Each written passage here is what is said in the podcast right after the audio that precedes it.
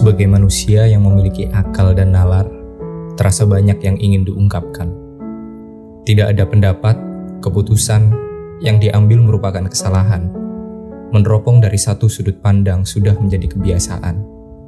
Berpegang pada intuisi yang abu-abu dan rapuh adalah kerugian. Manusia bukan tempat rasa keputusasaan. Tidak ada manusia yang tidak bahagia. Sebagian hanya merasakan pengkhianatan. Kebencian yang ada di hati dan pikiran tidak pernah dilahirkan, namun diciptakan. Ini adalah sedikit gambaran manusia, namun tidak semua demikian. Halo teman-teman, saya Abdul, dan ini adalah podcast bercerita tentang kehidupan.